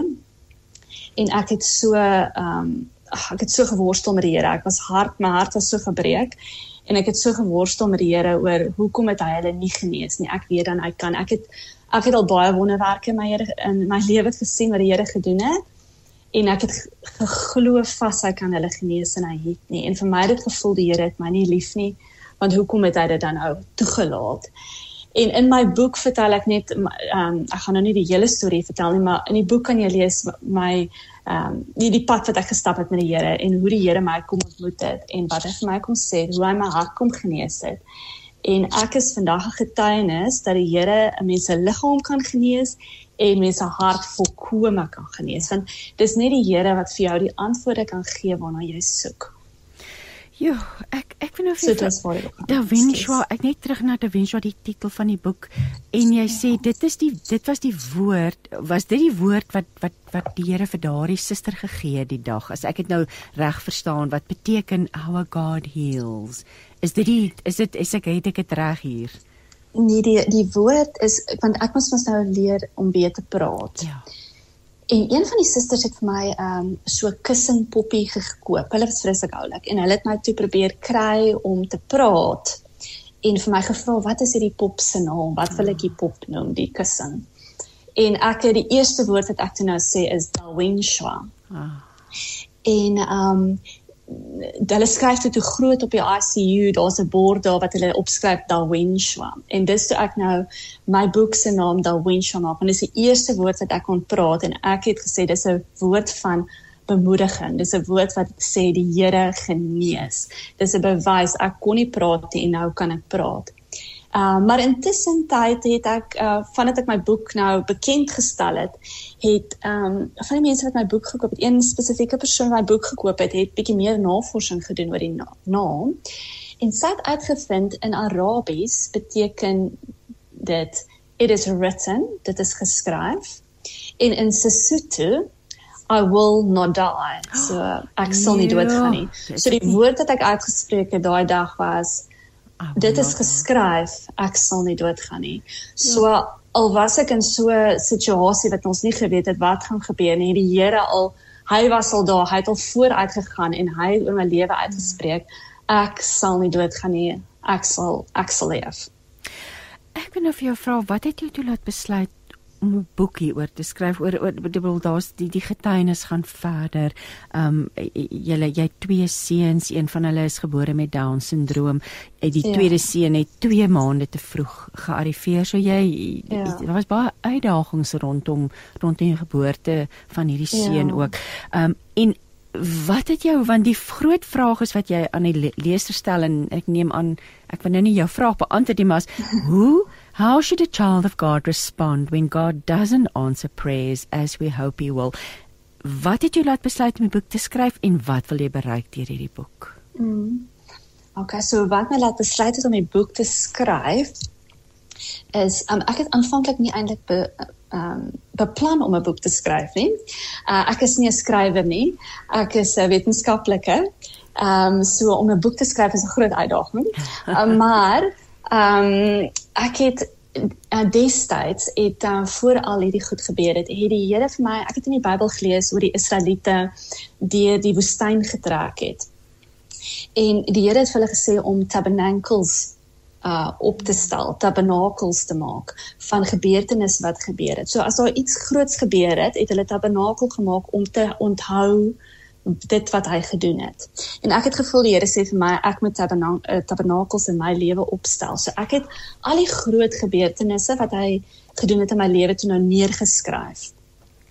En toe ek eh, my breinbloeding gehad het en ek kon nie lees nie, ehm um, ek ehm um, toe het my pa vir my die boek teruggelees en hy het vir my dit het soveel ehm um, faith gebou in my om te glo dat die Here kan weer wonderwerke doen. Hy kan weer groot goed doen. So dit het regtig vir my gehelp en dit is hoe die boek begin het. Is eintlik maar net uh, vir myself neer te skryf al die groot dinge wat die Here gedoen het. En dan ehm um, die tweede vraag wat jy dalk vra die boodskap wat ek aan jou lu luisteraars vanoggend wil wil deel is en ehm um, en hoe 'n mens dan nou ja, hoe God hoe moet mens God benader as daar dan nou um, pyn en verlies is. Ja. En um, so wat ek sou sê is um, die enigste een wat mens kan genees is God.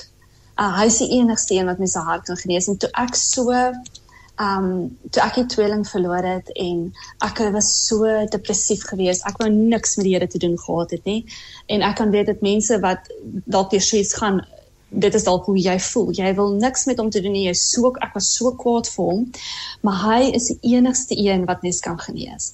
Hy weet presies um wat om vir jou te sê want hy is die enigste een wat daai vrae kan antwoord wat mense het.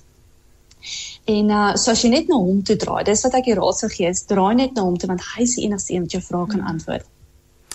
Want ek ek nou niks met hom wou te doen gehad het nie, is hy hy het my kom kom vind, hy het my kom kry waar ek was. En ehm um, hy het met my gepraat soos ek net sê hy, hy kan vir jou spesifiek vertel ehm um, net soos jy dit nou sou verstaan. Vir my as 'n wetenskaplike, een van die goed wat hy kom vir my kom wys het is dat ek maak 'n parallaksfout. So as jy 'n lesing neem in 'n laboratorium, dan um, as jy vloeistof afmeet in 'n meet uh flaas, um, dan moet jy presies op die hoogte van die lesing afgaan om 'n presiese uh korrekte lesing te maak. As jy van bo af kyk of van onder af gaan jy 'n verkeerde lesing maak. En hy het vir my kom wys dat ek is besig om 'n parallaksfout te maak. Ek neem die lesing verkeerd want hy ja. sien die hele prentjie. Ek sien net 'n gedeelte. En hy het vir my kom wys dat hy het eintlik my tweeling genees. Hy het vir my kom beloof dat hy gaan hulle hulle red en ek het nie verstaan nie hoekom het hulle dan nou dood gegaan. Maar hy het vir my kom wys dat hy het hulle genees. Dit is net nie in 'n manier hoe ek gedink het hulle moet genees word nie. Um hy as gevolg van Jesus en die prys wat hy betaal het aan die kruis en omdat hy die dood oorwin het is dood nie die einde nie dit is nie die begin so hulle is gered hulle is saam met hom in die hemel en eendag gaan ek hom weer sien so dit het vir my werklik genesing dit is een van die goed wat regtig my vrede en genesing gebring het om te weet dat hy het my gebede verhoor hy het hulle geantwoord net nie soos ek gedink het hulle moet geantwoord word nie Dieselfde met toe ek nou vir Dylan gekry het ook, um, hy 'n seentjie wat Down syndroom het. Het um God het my die belofte gegee oor die seentjie wat ek nou verwag net na my tweeling uh, oorlede is. Um en dat hy dat hy van van die genesing gaan bring in my hart en dat hy so 'n vreugdevolle seentjie gaan wees. En toe hy gebore is en ons vind uit hy Down syndroom sê vir hulle maar wat van die belofte, jy weet, weer eens is ek teleurgestel wat van die belofte en toe die Here net vir my kom sê hy is presies wat hy beloof het. Dis weer eens nie wat ek gedink het nie. Hy is presies daai vreugdevolle seentjie wat die Here beloof het. Ek het net 'n ander beeld gehad van hoe dit moes gebeur het. So die Here is getrou, die Here um gee wat hy beloof en hy is 'n geneeser en ek sit vandag vandag hier en my hart is heeltemal genees en my my life is so genees. So die Here is definitief 'n geneeser. Ja, jy skryf so dit is so mooi by agterblad wat jy sê He made a way for every person to enjoy complete healing, eternal life and reunion with loved ones gone and ahead and ahead through his son Jesus Christ on the cross. This is the mm. ultimate message of Dawenshua our God heals. Christel, ja. as mense hierdie boek jy's nou 'n tyd lank hier en ek neem aan daar gaan bekendstellings wees. Um waar kan mense hierdie boek in die hande kry? Waar kan ons luisteraars hierdie boek kry? Uh so die boek is beskikbaar op Amazon. Um en dis nou soos ek sê moeilike naam in te stik. Um so julle kan dalk vir my uh, my naam Christel Fourie onder Kristal Fourie soek, dan behoort die uh, boek op te kom. En die boek se naam is Darwin Shwa. So dit is D O W I N S H W A Darwin Shwa. Uh so die boek is beskikbaar op, op Amazon. Amazon. En ons weet almal flink aflewering en dit ja, en dit is my so pragtig jy die die die die die byskrif hier is a word of encouragement. So hierdie boek is bedoel om mense te bemoedig en ja, ja. maar wat 'n wonderlike storie en en en Dit is nie 'n storie nie, wat 'n wonderlike getuienis en dat jy dit in 'n boek saamgevat het. So liewe luisteraars, ek dit is Christel Fourie is die skrywer. Die boek is Da Vinci D A W I N S H W A. Dit is net pragtig wat jy vertel het dit die eerste woorde wat jy gesê het. Christel, dit het tyd geraak om te groet. Hoe lank kuier jy nog in Suid-Afrika? Uh, ons gaan die 8ste Januarie terug. Dit is 'n lekker lang. Ag en ek wens regtig ja. vir julle 'n geseënde tyd toe, 'n geseënde Kersfees. Mag die Here met julle wees en ons bid ook die Here se seën oor hierdie boek en dat hy mense se lewens sal verander en hulle harte sal genees deur dit wat jy beleef het en dit wat jy geskryf het in hierdie boek. En ons ons eer jou daarvoor en sê vir jou baie baie dankie. Oh, baie baie dankie. Dankie Christine vir die tyd wat ek kon gesels. Dit is 'n groot plesier. Ons het nou amper aan die einde van ons tyd saamgekom. Ons het um, nog tyd om te luister na Melanie Vosloo wat haar weeklikse stilte tyd meditasie met ons gaan deel. Ek wil dankie sê vir Bongani Mziza vir die tegniese versorging en ag liewe luisteraar wees geseënd. Mag die Here met jou wees tot ons volgende week saam kuier hier op met hart en siel. En ek gaan my verstou daar is nog 'n minuut oor. Ek wil die stukkie skrif en dit het my oog gevang hier in die boodskap wat Mariana met ons gedeel het weer deel vanoggend. Dit sê dit is 'n keerpunt. Van hier af aan gaan dinge vir julle verander. Daarop kan julle reken Dit is so. Daar is nie meer saad in die skure oor nie en daar's ook nie vrugte aan julle wingerde, vyebome, granaatbome en olyfbome nie, maar ek beloof julle, van nou af sal ek sorg dat dit met julle goed gaan, sê die Here. Tot volgende week dan. Totsiens. JJ Maritz en Seun is verskaffers van sand, G5 materiaal, verhuuring van 10 kubieke meter vragmotors en doen ook oorgrens langafstand vervoer. Skakel JJ Maritz en Seun by 011 391 7380. Welkom by hierdie week se oordeenking. Ek is bly jy het weer tyd gemaak om stil te word by die God wat jou altyd met oop arms inwag. Die God wat verlang dat jy by hom sal kom sit en hom sal luister. Ja, raak ook nou weer diep bewus van sy teenwoordigheid, sy liefde daar om en in jou. 'n Groot vloed tref 'n gemeenskap. Baie vinnig styg die water so hoog dat almal moet ontruim. Na nog twee dae se onophoudelike reën was die meeste huise al halfpad onder die water en almal het ontruim behalwe een man. Hy bly agter op sy huis se dak. Want sê hy, God het nie vir my gesê dat ek moet ontruim nie. Hy het vir my gesê ek moet net hier sit. Hy sal my kom help. Terwyl hy nog op die dak sit, kom noodredders weer daaraan met 'n rooi bootjie en vra hom om asseblief af te klim sodat hulle hom kan red. Waarop hy antwoord: "Nee, julle verstaan nie. Ek het tot God gebid. Hy sal my kom red." Die water styg hoër en kort daarna kom 'n motorboot daaraan. Die reddingswerkers skree: "Meneer, Jy het nie meer lank nie. Kom nou dat ons jou help. Weer sê hy: "Nee, julle kan maar gaan. God gaan my kom red." Toe die watervlak net onder die dak begin styg, kom daar 'n helikopter wat 'n tou afgooi om hom te help. Waarop hy weer weier met die woorde dat God hom sal red. Die water styg nog en die man verdrink. By die hemel aangekom, vra hy vir God: Here, U het vir my gesê U sal my beskerm en my kom red. Waarom het U my nou laat sterf? Waarop God antwoord: Ek het vir jou 'n rooi boot, 'n motorboot en 'n helikopter gestuur. Maar jy wou my nie hoor of sien nie. Het jy ook al mense hoor sê God het vir my gesê? En dan gedink hoe op aarde hoor ander God se stem? Jy kon dalk nog nooit werklik met oortuiging sê dat God met jou gepraat het nie. Is jy dan nie op die regte geloofsgolflengte met God nie? Die feit is, as jy in 'n persoonlike verhouding met God leef en dit jou opregte bedoeling is om jou lewensreis saam met hom te loop, na sy wil te luister en te doen wat hy vra, kan jy maar ontspan. Want God se stem kom op baie verskillende maniere na sy opregte kinders. Ja, ook na jou. Soms praat God vir ons deur die skrif. Ons lees die woord en weet dan net. Hierdie is vandag vir my bedoel. Baie kere praat God met ons deur ander mense en kry ons 'n boodskap of 'n antwoord op vrae wat net vir daardie dag bedoel is.